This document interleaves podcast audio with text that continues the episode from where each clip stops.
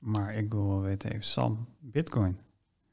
Ja, ik, ik, ik zit er al in vanaf, ja, nou eerder denk ik, ik heb er nog ooit, dat is echt stom, ik heb ooit mijn, uh, mijn rijexamen van betaald.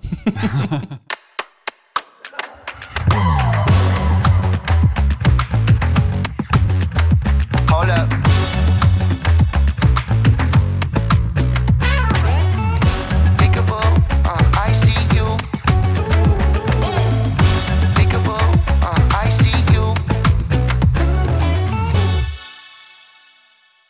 Welkom bij een nieuwe aflevering van Succesverhalen. We zitten hier vandaag met producer, DJ, ondernemer. We hebben het over Sammy Renders. Ja. Sam Veld voor de mensen, beter bekend als Sam Veld. Ja, mijn echte naam kennen niet veel mensen. Nee, en heel veel mensen waar ik het dan ook over heb, zeggen ja, we podcast maken en uh, oh, wie krijg je dan vandaag en wie gaat, wat ga je doen? Ja, Sam Veld. Sam Veld. Ja, wie is dat de naam zegt me wel iets. En dan laat je muziek horen. En dan heb je het over uh, Post Malone. En dan laat je dat horen en dan zeggen ze, oh, die, ja, dat is tof. Ja, dan weten ze weer waar je het over hebt. En dat, uh... dat is het ding. Heel veel mensen kennen mij van de nummers, maar kennen mij, uh, ja, mijn kop vaak niet of, of weten niet uh, wat, welke naam erachter zit. Dus dat is eigenlijk de grootste challenge nu, is mensen van luisteraar te converteren naar, naar fan. Ja. ja super tof. Nou, In ieder geval heel nice dat je hier wilde zijn. Gaaf. Tuurlijk. En ehm, ja, we gaan het in onze podcast hebben over succesverhalen. Over de weg naar succes. Mensen zien pas iemand als ze succes hebben. Maar er is een, een hele weg daar naartoe. En uh, dat is waar we vandaag met jou over gaan praten. Want hoe, is, hoe, hoe was jonge Sam? Hoe was jonge Sam? Ja, vanaf jongs af aan wel ondernemend. Ik ben uh, vanaf mijn dertiende ingeschreven bij de KVK. Dus oh. ik heb toen echt mijn vader mee moeten slepen. Want ik mocht zelf natuurlijk nog niet tekenen. Ik was minderjarig. Dus ik was altijd al bezig met webdesign, uh, webdevelopment. Ik was echt gefascineerd door het internet. Uh, dus het feit dat je uh, op plaats A iets, iets kon maken en dan kon uploaden. En dan aan de andere kant van het dorp waar ik woonde, Bokstel kon rijden en daar op een computer een adres in kon typen en dan hetzelfde weer terug kon zien. Zeg maar gewoon dat er een wereldwijd netwerk uh, van verbinding was. Dus dat heeft me altijd gefascineerd. Dus vanaf heel jong bezig geweest met ondernemen, websites bouwen, internetconcepten uh, en draaien. Dat was eigenlijk een soort van hobby altijd. Vanaf nou, een jaar of tien had ik een drive-in show met een vriend van me. Vroeg geld voor mijn verjaardag voor een rookmachine of een stroboscoop. en dan ging ik, uh, ging ik draaien bij kinderfeestjes en zo. En dan vroeg ik 50 euro voor uh, zes uur plaatjes draaien. Dus daar verdien ik helemaal niks aan, maar het was gewoon echt een hobby. En uiteindelijk is uh, ja, bij mij dat, dat draaien de grootste onderneming geworden tot nu toe.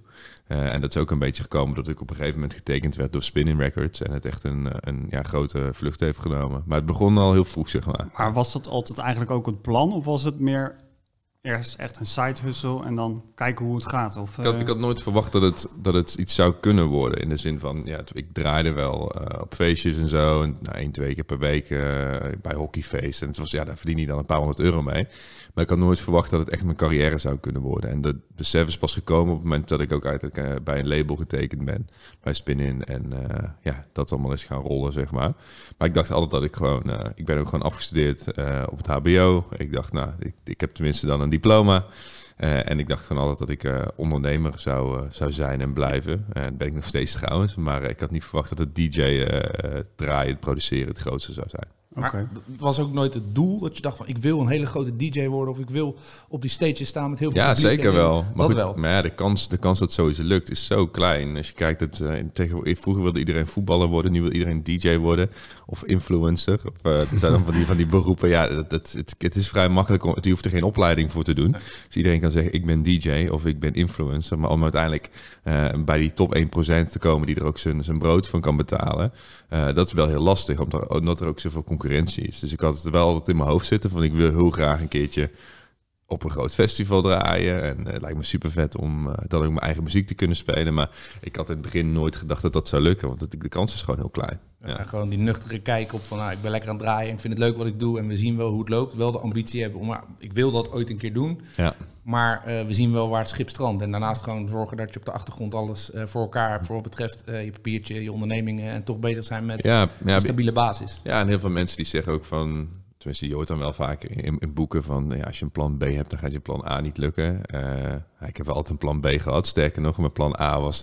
Daar had ik eigenlijk niet zoveel geloof in. Maar ik heb het ook nooit opgegeven. Dus ik heb wel vaker gedacht van oké, ik ga nu afstuderen. Nu moet ik wel binnen een jaar dat DJ echt van de grond krijgen. Dus echt het, uh, als artiest zijn, uh, een carrière opbouwen. Anders ga ik gewoon iets anders doen. ga ik daar mijn focus op leggen. En dat heb ik gelukkig uiteindelijk nooit gedaan. Dus ik ben daar wel altijd mee bezig gebleven. En uiteindelijk echt toen ik net op het punt stond om die keuze te maken van, nou, dan ga ik wat anders doen. En ik zal altijd blijven draaien, maar ik ga het niet meer als een carrière uh, mogelijkheid uh, zien. Toen is het eigenlijk uh, begonnen. dus dat is wel grappig. Het is precies op het juiste moment toen ik afstudeerde, kreeg ik eigenlijk een platencontract aangeboden. Ja, bijzonder. Ja. Maar als je niet was doorgebroken als DJ, hè? Mm. Wat, wat, waar was je dan op dit moment nu geweest? Waar, waar had je je dan mee bezig gehouden? Ja, ik denk nog met hetzelfde. Dus ik, ik, ik, ik heb nu ook een andere onderneming uh, naast mijn, mijn, mijn draaien. Fangage, dus een mhm. internet startup, uh, heel erg in nou, technologie. We gaan, gaan we straks zeker ook ja. Ja, ja zijn we is een, uh, toevallig bijna nu, nu 2 miljoen mee opgehaald in de eerste financieringsronde. En ja, dat is, ik ben gewoon echt een tech nerd. Zoals ik al zei, altijd mhm. bezig geweest met internet, conceptontwikkeling, maar ook programmeren en dat soort zaken. Uh, dus dat zou ik denk ik nog steeds aan het doen zijn. Dus misschien was ik Fangage ook wel begonnen. Uh, en was dat, uh, ja, was dat gewoon nu ja, mijn main ding geweest. en naast, ja, naast misschien nog voor de hobby een keertje ergens een keer een plaatje aanzetten. Dus ja, het, het is moeilijk te zeggen. Maar ik denk wel dat het iets te maken zou hebben met online business. Met online ja. business ja, ja ik, denk, ik, denk dat we hem ook wel gelijk door kunnen pakken richting Fangage. Want Fangage en muziek zijn heel nauw aan elkaar verbonden. En Fangage is een ja, hoe moet ik het zien? Een, een Instagram, Facebook 2.0 voor artiesten. Ja, nou, het, is, het is eigenlijk een tegenhanger van social media. Kijk, ik zag op een gegeven moment gewoon vijf, zes jaar geleden dat ik een miljoen volgers tot op allerlei verschillende kanalen, maar dat ik geen echte manier had om ze te bereiken. Sterker nog, hoe meer volgers dat ik kreeg, hoe minder mensen ik bereikte door de algoritmes. Dus op een gegeven moment kwam ik erachter dat ik uh, elke keer als ik iets, uh, iets naar mijn fans wilde sturen, bijvoorbeeld over nieuwe muziek of ik had een show die aangekondigd moest worden, moest ik Mark Zuckerberg gaan betalen om mijn eigen fans te bereiken via Facebook ads en, en Instagram ads. En dat vond ik zo raar, want ik had zelf heel hard gewerkt om die, die fans te krijgen, die fans die muziek te maken, die mensen zover te krijgen dat ze op een knop klikken. Ik vind het leuk door content te maken, door muziek uit te geven. En dan klikken ze op die knop en dan denk je, yes, ik heb mijn fan binnen. En uiteindelijk worden ze een soort van gegijzeld door de algoritmes van een derde partij, die in die relatie eigenlijk niks toevoegt. Uh, en moest ik die derde partij gaan betalen om bij mijn eigen fans te komen. Nou, dat, dat vond ik zo raar. Is een beetje hetzelfde als dat je een mailinglist opbouwt en e-mailadressen verzamelt in Mailchimp. Uh, en dat Mailchimp dan zegt, nou je mag maar 10% van je lijst mailen. Uh, en de rest, ja, die moet je terugkopen, die data bij ons. Dat, dat klopt niet. Dus toen met Fangage begonnen. En Fangage is eigenlijk een, ja, het ultieme systeem voor creators, dus artiesten, maar bijvoorbeeld ook e-sporters, vloggers. om data te verzamelen over hun fans en daar ook geld aan te verdienen. ja. Ja, je probeert dus echt ook een beetje de middelman ertussenuit te halen, Precies. volgens mij, daar, met, dat, uh, met dat platform. Ja. Um, je, je gaf al aan, het is dus niet alleen voor DJ's, maar heel breed. Uh, is dat ook echt de bedoeling om dat verder uit te bouwen? ja, we zijn, we zijn begonnen uh, vanuit nou, één platform, dat was die van mij. Ik, mm. ik, ik zocht gewoon een oplossing voor dit probleem. En het probleem was gewoon, ik kon niet bij mijn fans. En ik kwam heel snel achter dat als je bij uh, je fans wil uh, komen, 100% van je fans wil kunnen bereiken, heb je data nodig. Nou, fans uh, laten niet zomaar data achter, dus je moet je iets voor terug kunnen geven. Dus op mijn Fangage site, dat is hardsveld.me, kunnen fans content en experiences, exclusieve dingen unlocken. En hoe meer data ze achterlaten, hoe completer hun profiel is, hoe meer content dat ze vrij spelen. dus zo ruil je eigenlijk data voor content en vice versa. En met die, met die data kun je vervolgens ook campagnes draaien. Dus je kan in Fengage aangeven, nou, ik wil nu al mijn fans uit Amsterdam, 18 plus, uh, een sms'je sturen. Uh, er is vanavond de show in Club R en hier, zijn de, hier kaarten te koop. Dus dat betekent eigenlijk dat je heel gericht, zonder je andere fans ermee lastig te vallen, wat je vaak op Instagram en Facebook wel ziet, van ik doe een post, hey jongens, ik ben in New York en 99% van mijn mensen van mijn fans die me volgen, mijn volgers, die, zijn niet in New York, dus die boeit dat niet. Dus die kun je heel laser-targeted bepaalde groepen fans activeren voor de, ja, de doelstelling die je op dat moment uh, hebt. En dat, dat concept is multi-inzetbaar. Want eerst was het voor mij, toen zag ik, oh, andere DJ's willen dit ook. En nu zie je ja, e-sports teams. Uh, uh, we zijn met voor de Formule 1 bezig. We zijn voor grote festivalmerken bezig. Dus ja, eigenlijk iedereen met fans en content zie je langzaam naar Fangage stromen. omdat ze allemaal hetzelfde probleem hebben. dat ze niet bij hun volgers kunnen. Ja, Nice. Super nice. Ja, je ziet ook veel in e-commerce, zie je dat soort dingen natuurlijk ook terug. Mensen pakken een product, ze gaan kijken wat mankeert er aan het product en ze gaan proberen te kijken hoe ze dat kunnen verbeteren om het op die manier beter in de markt te zetten. En ik denk op de manier hoe je dan de mensen kan targeten en echt precies alleen de mensen kan targeten die je wil targeten, ja, dat dat een heel nice concept is op die manier. Ja, en, en, en, ja, het voordeel is gewoon als iemand eenmaal in jouw database zit in Fengage, dan is die data van jou, ook niet van Fengage. Eh, en hoef je dus ook nooit meer die euro's uit te geven om diegene te bereiken op social media. Want die kun je gewoon letterlijk een e-mail of een, een sms'je sturen eh, via, via, het, via het platform. Ja. Letterlijk gewoon een heel kort lijntje met de mensen. En dat Ja, is, eh, ja, precies. Ik kan, ik kan letterlijk nu eh, mijn fans opbellen. Omdat ik heb gewoon een telefoonnummer, een geboortedatum, ik weet waar ze wonen. Eh, en dat is wel gewoon super, super waardevol. Maar hoe eh, krijg je uiteindelijk die eh, eh, gebruikers op jouw eh, op Fangage? Hoe, hoe komen die binnen daar? Ja, dus eigenlijk, ik vind social media is lang geen social media meer. Het is meer een soort van advertentiemarktplaats geworden, waar de hoogste bieder de meeste aandacht eh, krijgt. Eh, en zo zie ik social media ook en zo moet je het denk ik ook inzetten. Dus eh, wat ik doe op social media is ik eh, tease bijvoorbeeld een nieuwe track of een nieuwe video op mijn Instagram story. En als je dan eh, de swipe up doet, dan kun je op mijn Fangage het hele filmpje zien. Het enige wat je daarvoor moet doen is eventjes registreren met, met één klik. Dus dat is ook echt, ja, dat duurt misschien twee seconden voor zo'n fan. Dus het is heel makkelijk. Alles is ook helemaal mobile first. Dus je hoeft geen apps te downloaden, maar het ziet er wel uit als een webapp. Dus als jij gewoon in je Instagram op Fangage komt, dan lijkt het alsof je in een app komt. Eh, ja, vervolgens krijg je daaruit die data uit. Je converteert gewoon continu via organische of betaalde campagnes met content je volgers naar echte fans. Dat is eigenlijk het idee. Super nice. Dus je Nice. gebruikt de huidige social media eigenlijk meer als adver- advertentieplatform Ja. om de mensen richting... En er komen nieuwe fans. Kijk, als, als iemand mijn plaat eh, leuk vindt, die hoort op de radio. En die gaat hem shazammen bijvoorbeeld. Die ziet dan, ah, dit is Sam Veld, leuke plaat. Eh, ik ga naar zijn Instagram en dat gaan ze volgen. Dat is eigenlijk vaak de eerste stap in de funnel. Dus eerst is muziek en daarna kom je op social media. En eigenlijk de onderste laag eh, van de funnel is, eh, is je eigen database. Dus je moet gewoon social media inzetten om inderdaad nieuwe fans te krijgen. Op TikTok, op Instagram, op whatever dat je ook eh, gebruikt. Maar zorg er wel voor dat je op continue basis die volgers converteert naar je eigen database. Want je kan geen bedrijf bouwen op een platform wat niet van jou is. Kijk naar wat er gebeurd is met eh, Vine, met MySpace, met Hives. Kijk wat er gebeurt met Trump op social media. Je bent super afhankelijk van de algoritmes en de regels. En iemand die daar op een knop drukt. Ze kunnen in feite zo de stekker eruit trekken. Ja, en dan ben je heel... Dan ben je ben, kwijt wat je op hebt gebouwd. Ja. ja, precies. En ik denk heel veel creators snappen eh, nog niet dat, eh, dat ze een bedrijf zijn. Die denken, oh, ik heb een miljoen volgers op, op TikTok. Uh, I'm good for life. Maar Ja. TikTok kan verdwijnen, je account kan verdwijnen, de algoritmes kunnen aangepast worden, de aandeelhouders kunnen meer geld willen. Dus die gaan dan bijvoorbeeld organisch bereik van je, van je post eh, terugdringen. En eh, dat is wel een educatiestukje wat, eh, wat wij proberen te doen, maar wat heel veel bedrijven snappen. Kijk, Philips die snapt wel, we hebben een CRM nodig. Want anders weten we niet wie onze klanten zijn. Maar creators snappen nog niet dat ze een FRM nodig hebben, zoals Fangage. eh, om te zien wie hun fans nou eigenlijk zijn en daar eh, data uit te halen. Dus eh, nou, langzaam maar zeker komt dat eh, ook door films als The Social Dilemma en zo komt dat wel wat meer naar voren. Ja. Ja, nice. ja, een long-term scenario hebben ze vaak niet in gedacht. En inderdaad, wat gebeurt er als ze daar de stekker eruit trekken? Dan ben je inderdaad heel die fanbase, heel die dingen ben je allemaal kwijt. Wat je allemaal op hebt gebouwd. Ja, precies. Ja. Nice, nice. Ehm Fangage, daar ben je denk ik nu heel veel mee bezig in deze periode. Want hoe is deze periode als DJ? Ik denk dat dat een vraag is die je ook sowieso veel krijgt. Maar ik denk dat deze periode voor ja, artiesten, voor DJ's echt een, een, een, ja, een, een donkere put is waar je in beland bent of zo. Ja, het is heel anders. Eh, gelukkig, ja, zoals ik al zei, ik ben vanaf mijn dertiende ondernemer. Dus ik heb me vaak, eh, vaak snel aan dingen moeten aanpassen. Eh, de afgelopen zes jaar heel veel gereisd, heel veel gedraaid. Op een gegeven moment eh, was ik, stond ik op nummer twee van de meest internationale shows van Nederlandse artiesten. Op een was volgens mij Yellow Claw of zo, maar echt 152 of 155 shows in het buitenland per jaar. Dat betekent gewoon dat je ja, om de dag een show in een ander land hebt eh, eigenlijk. Dus ja, super leuk en je ont- ontmoet heel veel leuke mensen, dus leuke shows, eh, grote fanbase opbouwen, maar uiteindelijk het is ook super, super slopend. Dus ik weet nog toen ik eh, het bericht kreeg in, in maart 2020 van hey, eh, kom maar naar huis, de show is gecanceld. Sterker nog, je hele tour in Amerika gaat niet door. Toen ik in Boston, toen kwam ik naar huis, dacht ik, oh, is eigenlijk wel relax, even gewoon een paar weken niks in mijn agenda, want ik zou op tour zijn, dus ik had ook niks anders ingepland. En toen dat op een gegeven moment een maand weg begon het wat te kriebelen van oh shit. En op een gegeven moment de eerste paar maanden ben je dan continu aan het denken, wanneer mag ik weer? Alleen nu duurt het al zo lang Dat ik denk zoiets heb van ja, ik zie wel als het weer, weer gaat gebeuren.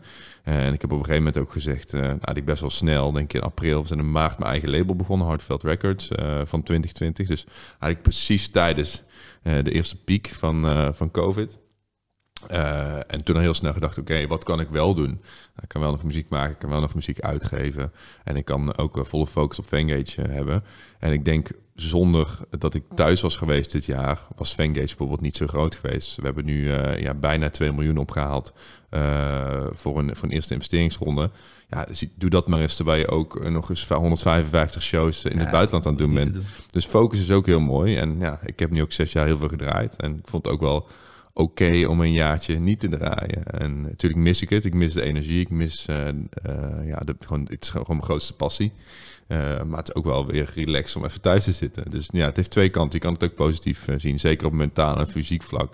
Ik slaap meer. Ik heb meer rust. ja, ik ben meer bij de mensen om wie ik geef. Dus het heeft voordelen en nadelen. En als het dadelijk dan allemaal weer open gaat, we, we, mogen weer, het draait Mhm. weer. hoe ziet die indeling er dan uit? Ja, dat is een goede vraag. Um, ik denk dat één ding wat uh, het afgelopen jaar, wat ik, wat ik afgelopen jaar geleerd heb, is dat ik uh, draaien niet nodig heb. Uh, ik vind het hartstikke leuk, maar zowel financieel als qua bedrijfsvoering hoef ik niet per se te draaien om het bedrijf te laten groeien en door te laten, ja, door te laten stomen, zeg maar. dus dat geeft wel heel veel rust. Daardoor kan ik nu veel meer kijken, oké, deze show is leuk, maar past het ook in mijn schema? Is het wel gezond als ik op en neer ga vliegen naar Korea daarvoor? Uh, voegt het wat toe aan mijn profiel? In plaats van dat ik daarvoor altijd het idee had van een soort van schuldig voelde zelfs als ik een show afwees. Omdat ik dan dacht, ja, is toch, is toch veel geld, kunnen we mee doorgroeien? Uh, ja, uh, waarom niet? Dus dan ben je eigenlijk in zo'n rollercoaster best wel kapot aan het werken. En nu heb ik wel meer de rust, want ja, het hoeft niet. Weet je wel, het is, en dan, dan wordt het een soort van cherry on the pie. Van oké, okay, uh, een bekroning op het harde werken. En, en dat, dat maakt het wel heel anders. Ik denk dat ik daarom ook minder shows ga doen, ook als het weer terugkomt. Oké, okay, dat is ook echt het plan. Uh, ja. Okay. ja, ik denk het wel. Ik denk ook als je kijkt naar vraag en aanbod. Uh, als je minder doet, kun je ook meer vragen. Dus ja, dat, dat, dan word je ook exclusief voor door. interessanter, ja. Misschien nee, de wat uh, grotere gigs of zo. Of, uh, ja, precies. Ja, het moet gewoon zin hebben. Het moet zin hebben, of financieel natuurlijk, mm -hmm. of uh, het moet supergoed in een schema passen, of het moet gewoon echt zo'n show zijn waar iedereen het daarna over heeft, ja. waardoor je ja, ook weer uh, een stap kan maken, zeg maar. Het lijkt me ook wel lastig na zo'n periode van corona, na hier hard werken, dat je eigenlijk weer op moet laden voor om de dag een show en iedere dag uh, pompen. Ja, Natuurlijk geeft het heel veel energie en het is echt super vet, maar ik denk dat het, echt, ja. dat het je helemaal sloopt gewoon. Ja, ik weet ook, ik, ik, ik, moet nu, als ik daar nu aan denk, dan denk ik, hoe heb je dat in hemelsnaam gedaan al die jaren? Gewoon, ja, show om, om drie uur s'nachts tot, tot vijf en dan even naar het hotel, douchen en weer door naar het vliegveld, drie vluchten doen, daar aankomen, half slapen in het vliegtuig en dan uh, even snel wat eten, dutje doen en weer de volgende. En dat dan niet één keer, maar gewoon ja, soms twee, drie, vier weken achter elkaar.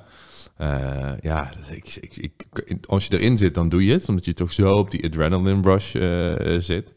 Maar als ik nu, uh, nu, nu, nu ik ik eraan denk. Ja. Als, je, als je in alle rust even nadenkt van oké, okay, ik moet dat dus volgende week weer gaan doen, dan zou ja. denken, jezus, hoe dan? Ja, maar, daarom, daarom denk ik ook dat ik dat niet snel meer uh, zal gaan doen. Of ja, kijk, als je eenmaal ergens weer in zit, dan gaat het makkelijker natuurlijk. Maar nee, ik heb daar nu, in, daar heb ik nu geen zin in. Ik heb wel echt weer zin om te draaien en weer uh, mijn muziek te laten horen. En ja, ik heb ook bij dat Field Lab, de testevenementen, de Ziggo Dome mogen staan.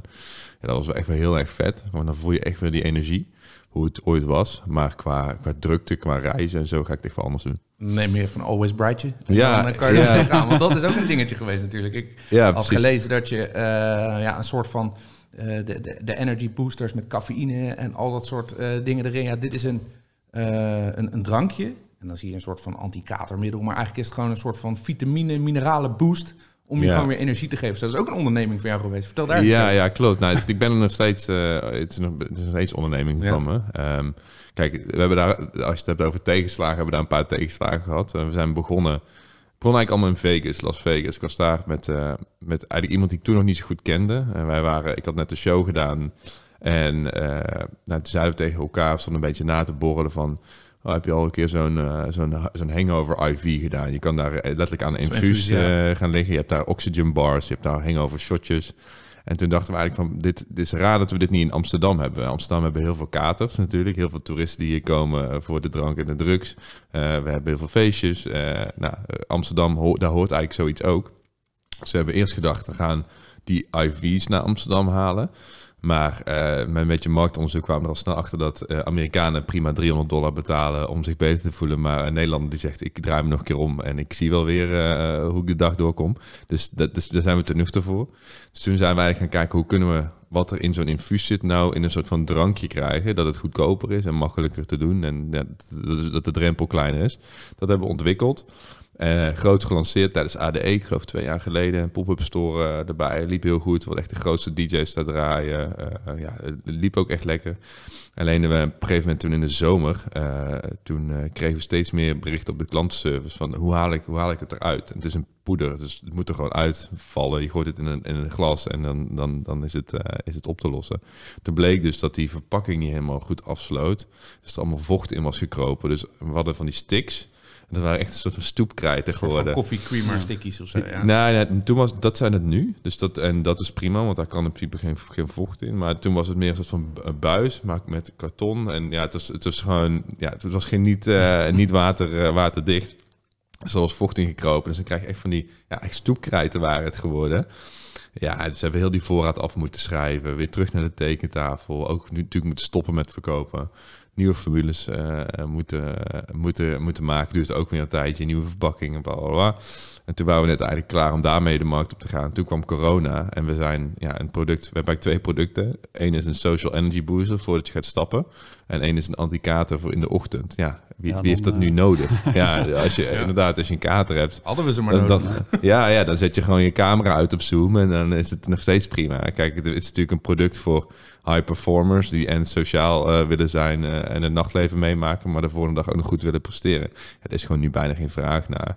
Dus we zijn nu weer terug naar de tekentafel. We zijn weer nieuwe producten aan het uh, ontwikkelen, onder andere een slaapproduct, een focusproduct en zo een hele lijn te kunnen lanceren met, met allerlei ja, uh, performance uh, producten. Dus we zijn nog steeds mee bezig, maar dat is echt zo'n zo'n succesverhaal wat even op zich laat wachten met zijn ups en downs. Nee, maar ik vind dat wel zeker, nu we het net hebben over zoveel shows draaien, et cetera, ik vind het wel heel knap dat je zulke soort dingen, want ik had daarover gelezen en er zit heel veel onderzoek in ook. Het is niet iets wat in een dag even vanaf de tekentafel nee. in, een, in een zakje wordt gestopt en het is klaar.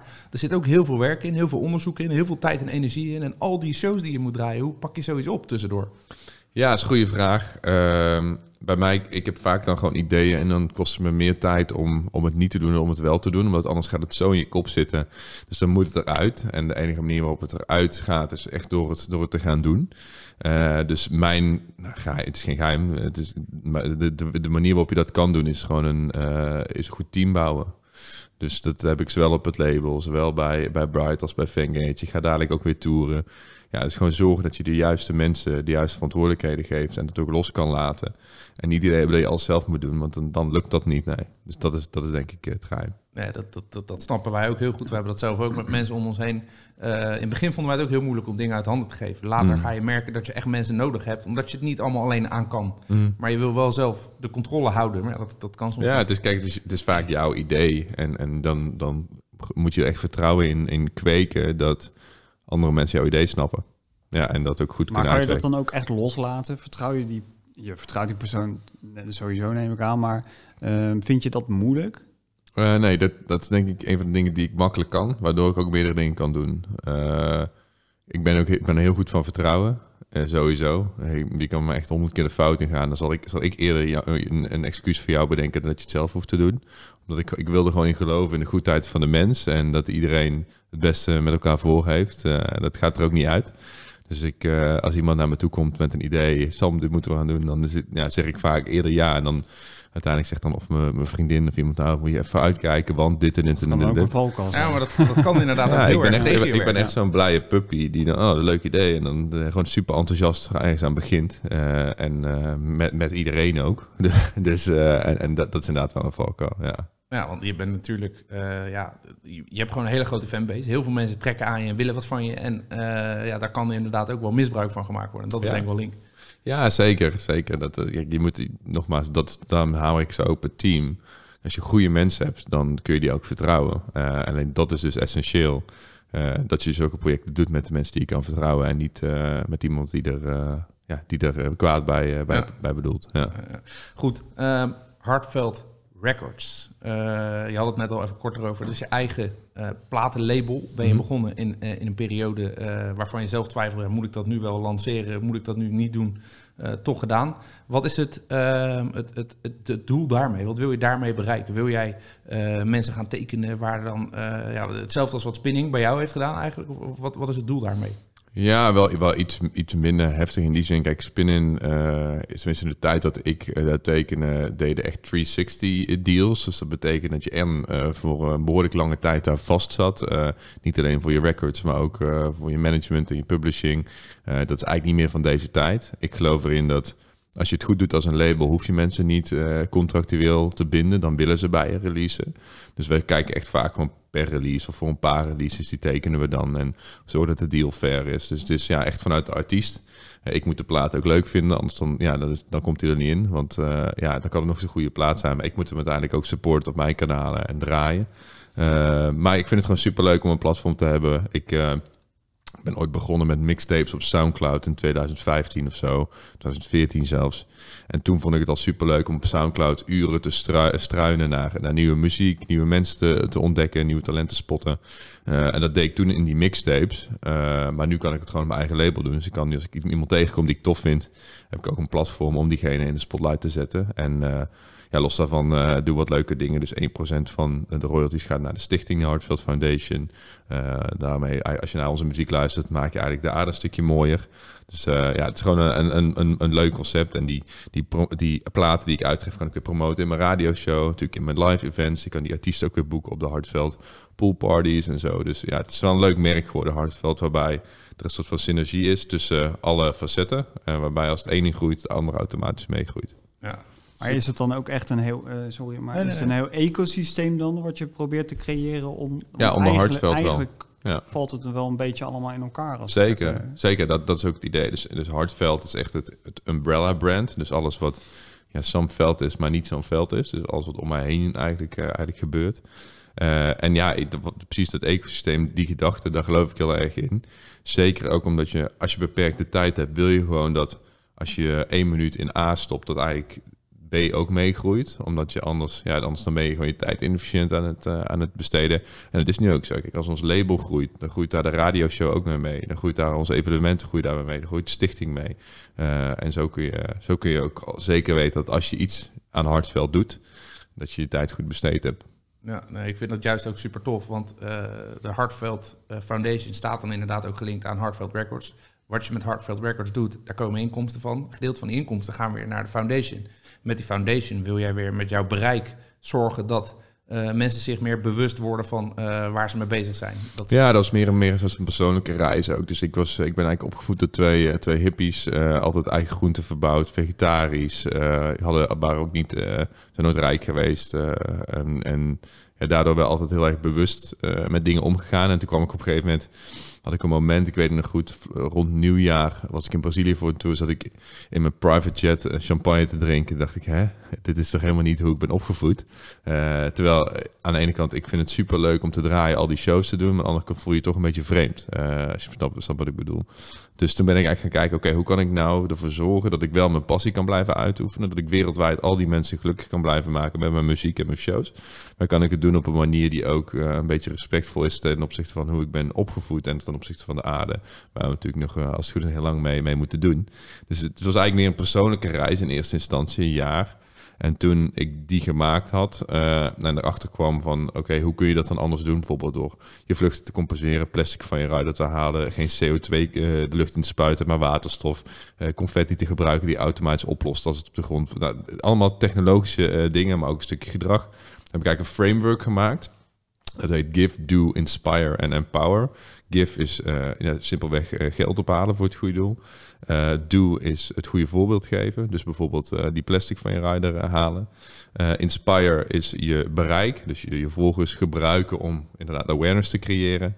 En empower is dat je een merk ondersteunt wat goed bezig is op sustainability gebied. En met dat model hebben we eigenlijk de stichting opgericht. En daar we hebben al van alles gedaan. We hebben met ADE, eh, toen dat nog, uh, toen dat nog uh, mocht, de laatste ADE, een carbon neutral face gegeven. We hebben 35.000 euro opgehaald. Daarmee zijn we bomen gaan, gaan planten in Costa Rica. We zijn in Oeganda geweest. We zijn bezig met een hartveld bos hier in Hilversumse Meent. Met een educatiecentrum. Dus ja, het is wel superleuk om te zien dat je door, door wat ik doe ook goed kan doen. Nou, ik vind het echt super vet om te horen. Want heel veel mensen zien inderdaad alleen maar dat rijke leven, dikke auto's, flessen champagne, privéjets. En juist als je dan zegt ook van, uh, op een gegeven moment zit ik in zo'n jet en zit ik aan zo'n fles champagne en denk bij mij, ja, het is eigenlijk heel erg vreemd. Zoveel mensen op de wereld hebben het slecht. Nou, je gaat naar Brazilië, daar is het ja, over het algemeen een stuk minder goed als wat wij gewend zijn.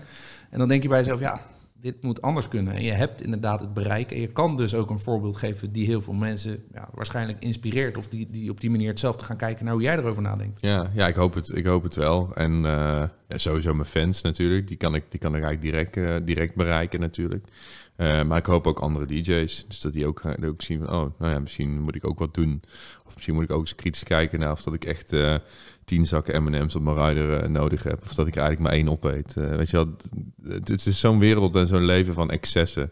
Uh, als je dan soms kijkt naar de, naar de riders, maar ook naar de productie. En ja, wat er gewoon in zo'n, in zo'n, in zo'n live evenement gaat zitten qua CO2-uitstoot en, en rotzooi en plastic. Dat je gewoon, ja, soms, soms moet je gewoon even iets langer over dingen nadenken. Dan, dan maak je een keuze die misschien iets lastiger is. Hoeft niet eens duurder te zijn. Maar die wel gewoon 80% van het probleem oplost. En ik geloof heel erg in die 80-20 regel op eigenlijk bijna alle facetten van het leven. En ook, uh, en ook op sustainability gebied. Er zijn echt gewoon 20% uh, eh, een heel klein stukje dingen die je kan doen die 80% resultaat uh, opleveren. Ja. Goed. we zijn lekker bezig al. We zijn zeker lekker bezig. Maar ik wil nog even terug richting het, richting het DJ. Want die zegt ja uh, dat, dat is natuurlijk waar de meeste mensen jouw naam van kennen. Dat is waar jij het meeste, uh, ja, al, alles wat je doet eigenlijk komt voornamelijk daardoor. Uh, je zegt, ik ben daarmee begonnen, de richting daar naartoe. ja, ik, had, ik had op een gegeven moment zoiets van, ja, ik, ik, zie het wel, wat, wat er gaat gebeuren. Zijn er ook echt wel tegenslagen geweest waardoor je dacht tijdens het DJ, waarna het alweer goed ging, dat je dacht van, ja, ik weet niet of dit wel is wat ik nou moet doen, weet je. Ondanks dat je op een gegeven moment een contract had bij Spinning, heb je op een gegeven moment gedacht van, ja, ik, ik weet niet of dit is waar ik naartoe wil.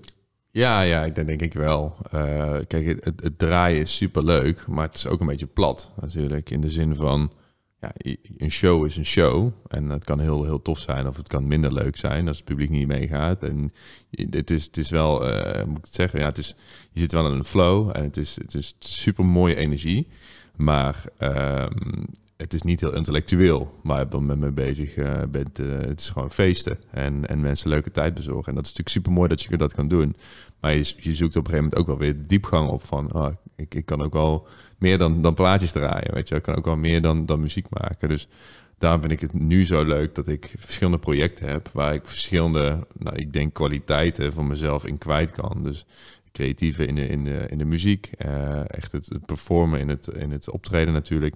Maar ook uh, een stukje interesse in, in technologie, in uh, gewoon het intellectuele. Bijvoorbeeld weer een Fengage in de stichting.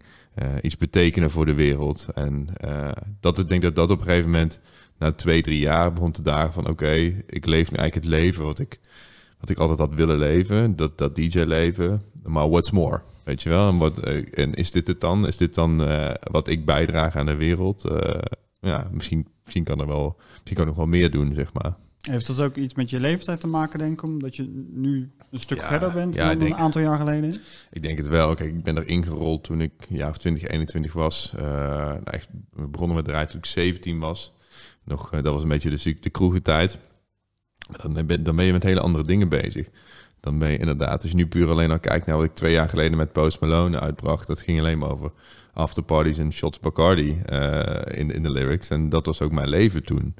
Uh, en als je dan nu kijkt, zeker door COVID, we zijn allemaal denk ik een stukje, nou, niet per se wijzer geworden, maar ja, ik, daarom heeft mijn nieuwe plaat ook Stronger. Ik geloof dat je door moeilijke tijden een sterke mens kan worden. En dat is wel denk ik wat er bij mij ook gebeurd is. Dus ik ben ook wel wat rustiger naar de wereld gaan kijken. En inderdaad niet meer al die shows hoeven doen. Meer kijken, oké, wat voegt er toe? Uh, ja, zeker. Je wil op een gegeven moment, zeker als je dan op een gegeven moment een jaar of twee, drie dat leven heb ervaren van, van het draaien en shows en, en alles wat erbij komt kijken, dan, uh, dan wil je op een gegeven moment meer diepgang, denk ik, ja. Oké. Goed. eh, wij zijn natuurlijk eh, vooral bezig met eh, investeren met eh, een stukje crypto. Maar ik zag laatst voorbij komen dat je zelf, je bent gek op technologie. Maar ook een NFT kwam in beeld. Ja, klopt. Ik vind dat ook wel een interessant stukje. Want ja, NFT's, wij hebben het daar zelf hebben we het daarover gehad in eh, meerdere video's al. Het is iets heel bijzonders. Je moet het zien meer als een eh, eerste druk van een boek. Als jij die hebt, ja, dan heb alleen jij die eerste Mhm. druk. Iemand anders kan dat boek ook kopen. Hij is hetzelfde, maar de eerste druk blijft iets bijzonders. Een NFT is een heel bijzonder ding. Maar kan je iets meer vertellen over die NFT? Want ik vind dat, ik vind dat heel interessant.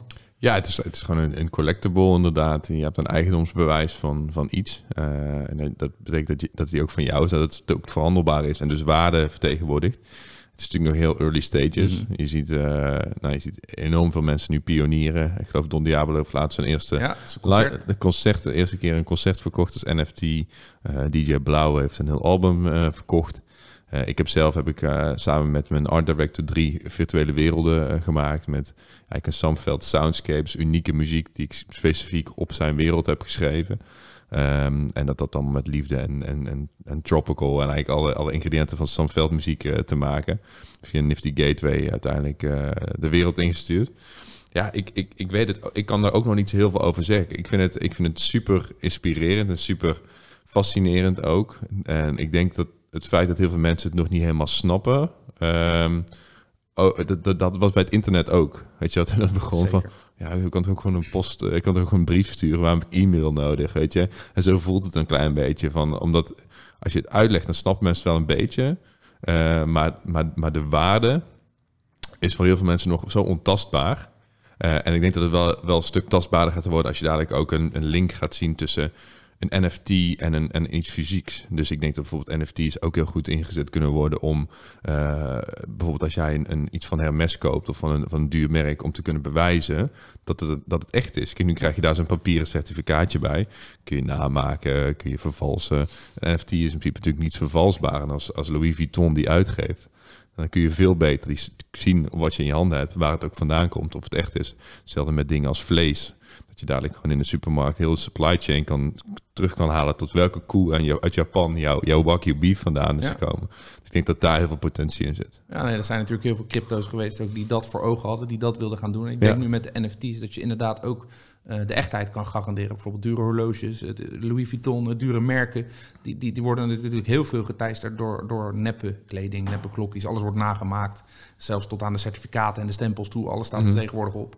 En eh, je kan op die manier wel ehm, jouw producten garanderen van echtheid. En dat is iets, eh, iets wat precies. nodig is, denk ik ook. Ik ben echt heel benieuwd waar het, eh, waar het heen gaat eh, allemaal. Maar het is wel een heel interessante tijd. Maar wat mij wel heel erg opvalt uit dit gesprek is dat je wel echt onwijs aan het pionieren bent.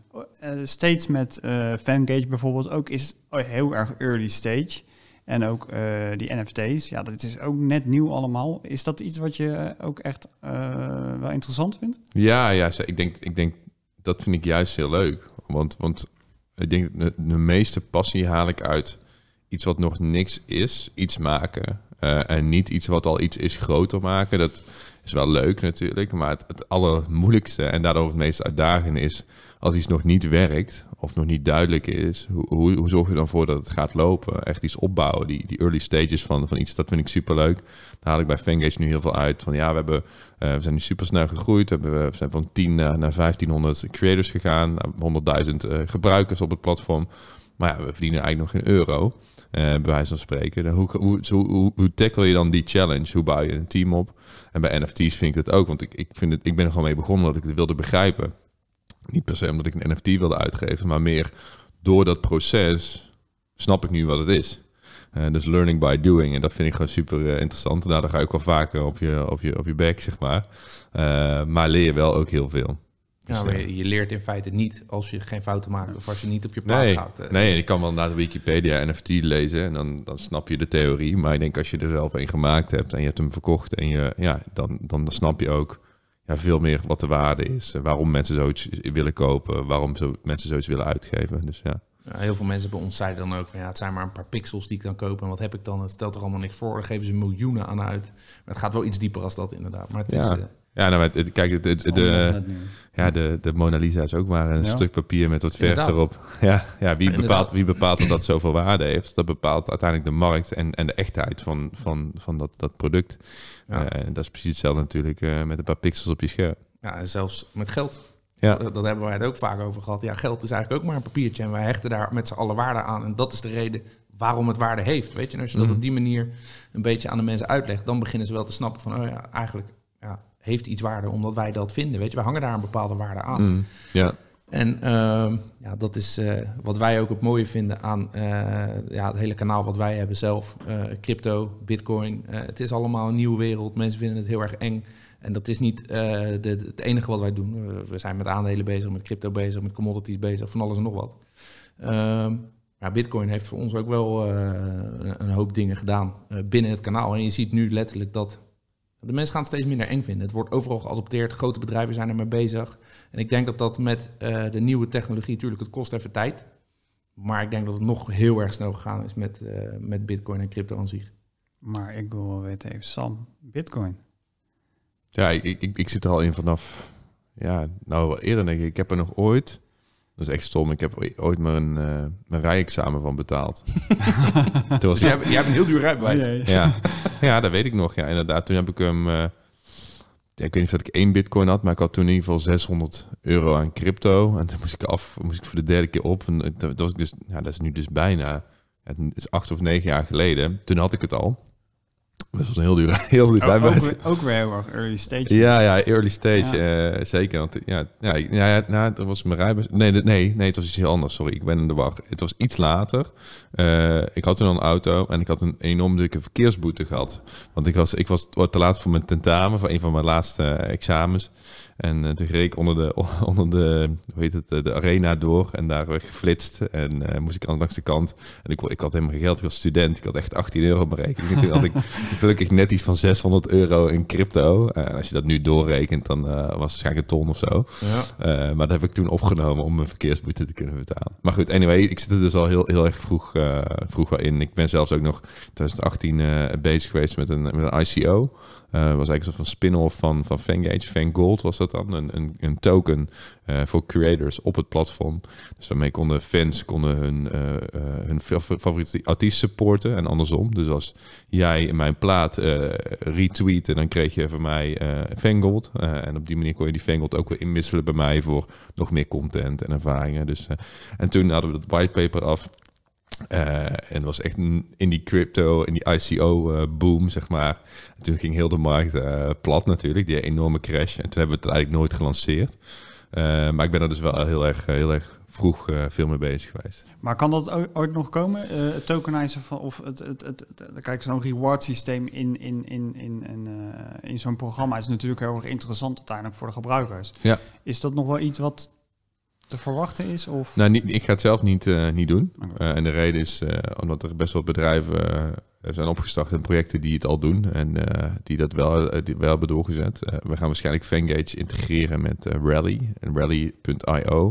Dus die, hebben, die doen creator tokens. Eh, en daarmee kan het dan in de toekomst mogelijk zijn dat jij, als je je aanmeldt als artiest bij, bij Fangage, dat je ook heel makkelijk je eigen wallet kan openen en je eigen coin kan lanceren. Eh, en die dan bijvoorbeeld weer kan gebruiken, inderdaad, eh, via, voor transacties met je fans. Ja, want jullie met Fendgate zijn jullie op dit moment ook geld aan het ophalen. Een nieuwe investeringsronde. Wat is het idee daarachter? Wat is... Ja, doorgroeien. Dus we zien nu, we hebben in, november 2020 zijn we eigenlijk groot gelanceerd met, de met Fangage.com, de, de V2. Eh, we hadden toen eh, 10 klanten en we hebben er nu iets van 1500. Eh, we zien het enorm hard groeien. Dus we moeten een team bouwen, we moeten development eh, gaan opschalen. We moeten ook zorgen dat die creators die allemaal binnenkomen op het platform ook begeleid worden. Want uiteindelijk heb je niet zo heel veel aan een artiest op het platform als hij niks doet. Dus die moeten eh, ja, gecoacht worden om de juiste content te maken. De content te promoten en ook hun fans aan boord te halen. Dat is uiteindelijk de belangrijkste driver van zo'n platform. Hoe meer fans eh, erop komen, hoe meer transacties erop komen, hoe meer eh, communicatie erop komen. Dus hoe groter het platform groeit. Dus dat is eigenlijk de, de, de, de focus nu en daarvoor hebben we geld nodig. We hebben tot nu toe eigenlijk zelf gefinancierd met uitzondering van een kleine crowdfunding campagne op, eh, op Simbit in 2019. Maar we hebben nu bijna 2 miljoen rond. Dus daarmee kunnen we even weer eh, 18 maanden vooruit. En dan naar de Series A.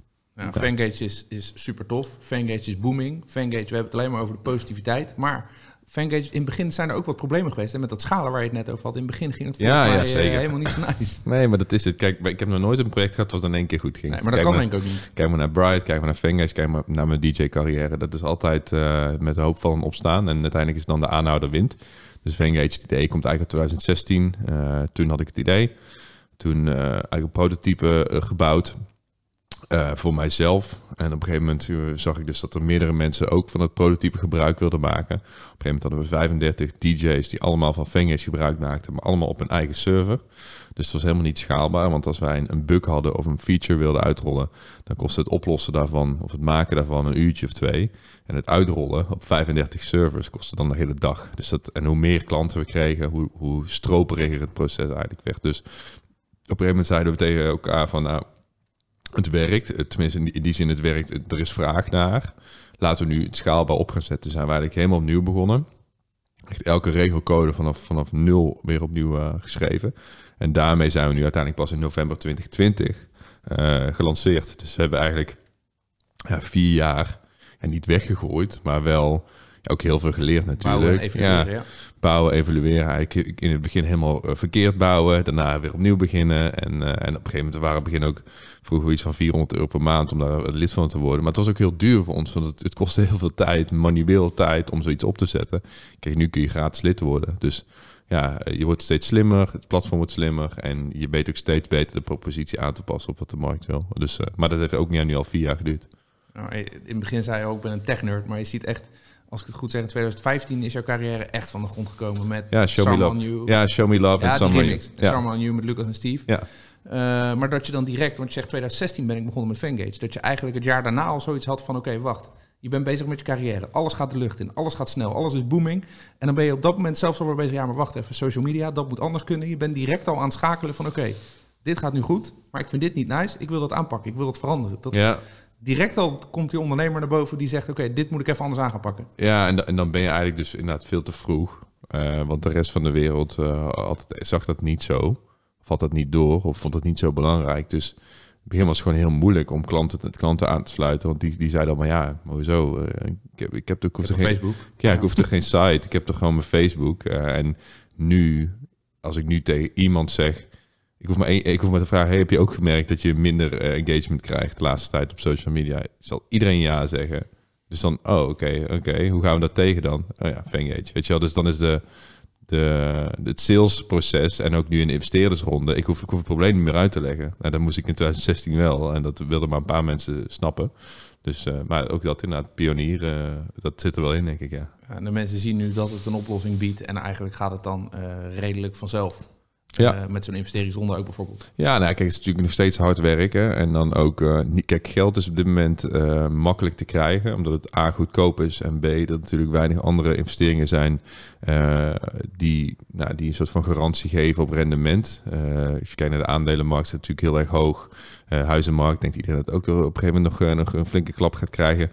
Crypto weet je niet, kan, kan keer 10 gaan, maar kan ook weer terug naar, naar ja, een jaar geleden. Het kan allemaal zomaar gebeuren. Dus je ziet dat, er, dat, er, dat mensen op zoek zijn naar, een, naar goede investeringen. Eh, dus wat dat betreft is geld wel redelijk makkelijk op te halen, merk ik nu in, in deze ronde. We hebben nou, vier weken geleden zijn we begonnen met het pitch deck uitsturen en we zitten nu bijna vol.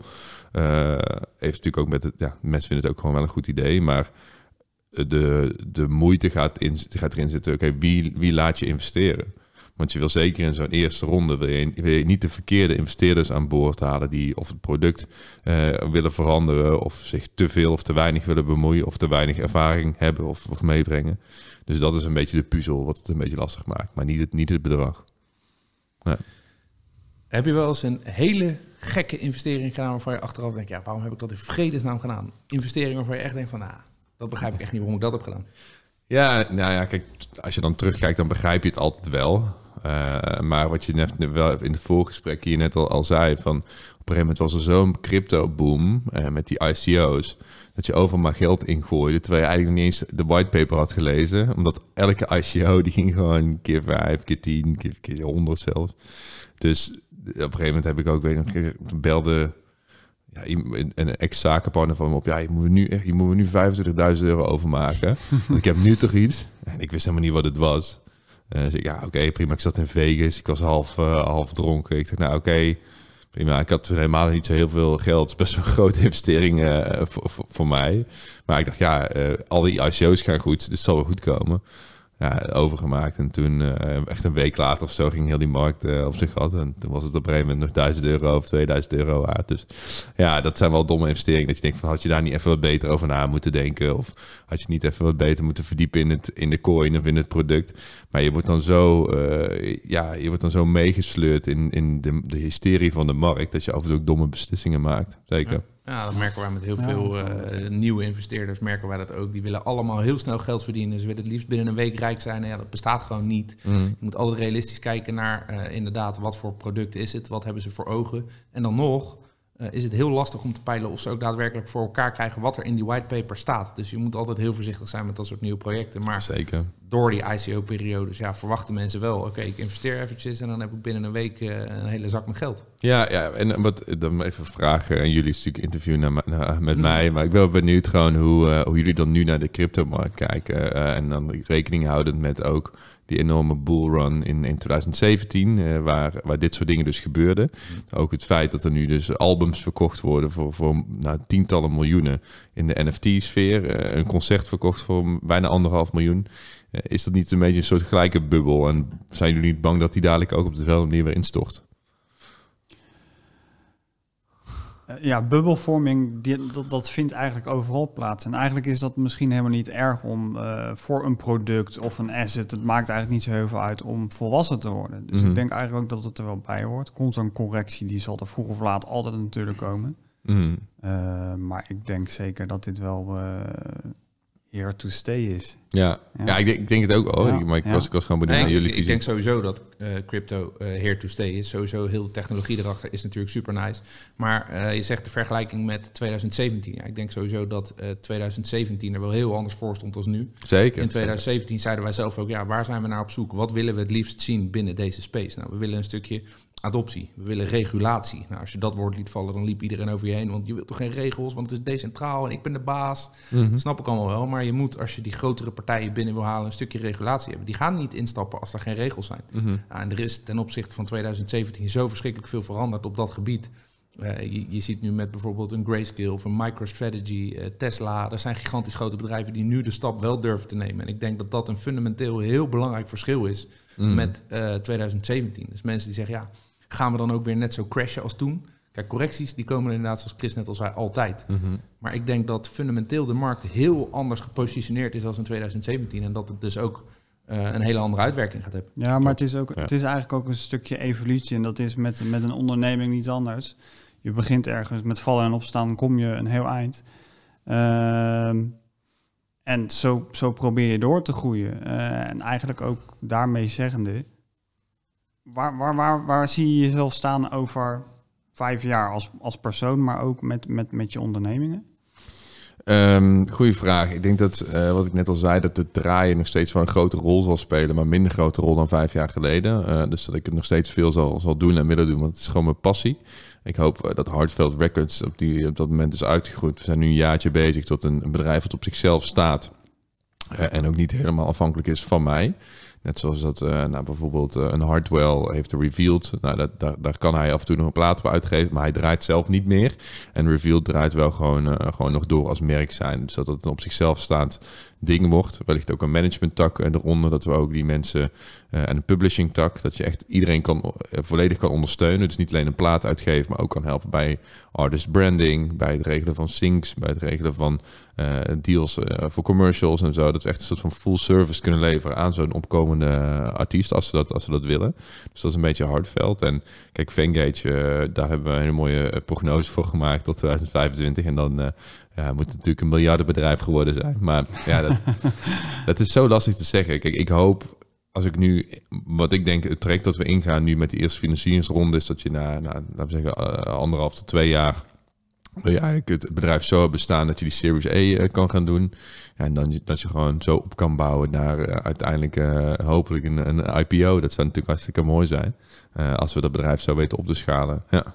Maar dat zit, exit. dat zit wel een beetje in de pijplijn. Dat is wel een beetje de verwachting of de roadmap. eh, Nou, kijk, ik denk, ik denk dat zo'n bedrijf of het, of het crasht of het gaat sky high. Mhm. Eh, want het is, eh, het, is, het is technologie. Het speelt in op een enorme eh, hype, eh, namelijk de creator economy. Die is booming. Eh, je ziet aan alle kanten eh, platformen als eh, Patreon en OnlyFans eh, met waarderingen van miljarden, eh, honderden miljoenen ophalen. Eh, ik zie niet in waarom Vengeance dat ook niet zou kunnen.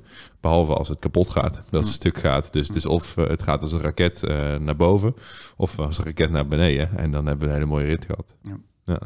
Ja, mooi om te zien dat je de toekomst dus zo in wil kleuren. Je wil nog steeds wel draaien. Je wil nog steeds met de muziek bezig zijn. Vind je super tof. Maar je wil vooral eh, je gaan richten op de ervaring die je zelf op hebt gedaan in deze hele road daar naartoe. Om mensen te begeleiden, om mensen te helpen. En om te Mhm. laten zien, ja, dit is wat je moet doen. Deze weg moet je op. En de mensen gewoon gaan helpen. Ja, zeker. Ik denk dat dat ook het- uiteindelijk. eh, ik heb nu zes, eh, zes jaar lang eh, super, eh, super veel gedraaid. En ik heb daar al heel veel waarde, denk ik, toegevoegd. En nu, door, daardoor kan ik eh, misschien nog wel meer waarde toevoegen. Door gastjes van 18 eh, te helpen. eh, om dat op een goede manier te structureren. Zorgen dat ze niet in een burn-out belanden. Zorgen dat ze niet bij de verkeerde manager een deal tekenen. Nou, dat soort dingen. Ja, dat, ik heb al die dingen meegemaakt. En ja, daar kan ik nu ook wat over vertellen, zeg maar.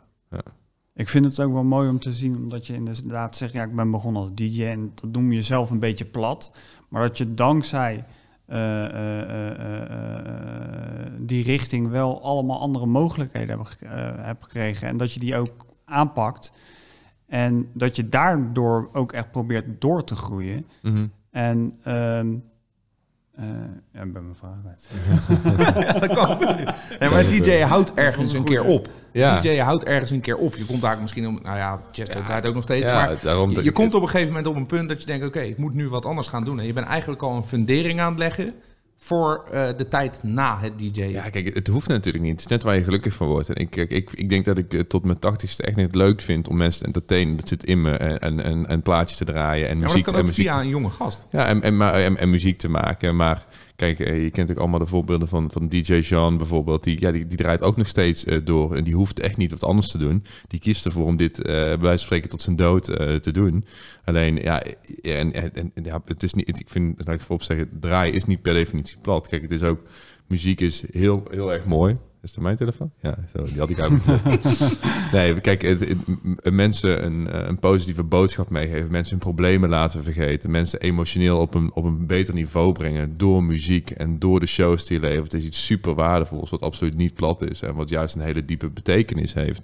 Eh, dus, dus, en dat wil ik ook graag blijven doen. Alleen, eh, dat, is, dat is maar één front waarop ik denk waarde te kunnen, te kunnen bieden. En ik wil dat graag wat verbreden. En dat is een beetje de, de conclusie.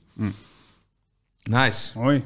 Nou goed, ik denk dat we ja, hiermee aan het eh, eind zijn gekomen van een eh, hele leuke podcast. Eh, ik heb het met heel veel mensen nogmaals erover gehad. En ik denk dat jij een gast bent met een verhaal eh, die de mensen niet zo snel aan zagen komen. Maar wat wij sowieso heel erg tof vonden. Je bent ja, ondernemer, meerdere bedrijven, super tof. En ik denk dat de mensen daar nu een heel leuk inkijkje hebben gekregen in eh, wie is Sam Veld en wat doet Sam Veld allemaal. Super tof. Ja, dankjewel. Heel erg bedankt dat je hier aanwezig wilde zijn. En eh, ja, misschien zien we elkaar nog ergens. Succes met, eh, met de podcast en het kanaal. En eh, tot de volgende keer. Thanks, bedankt.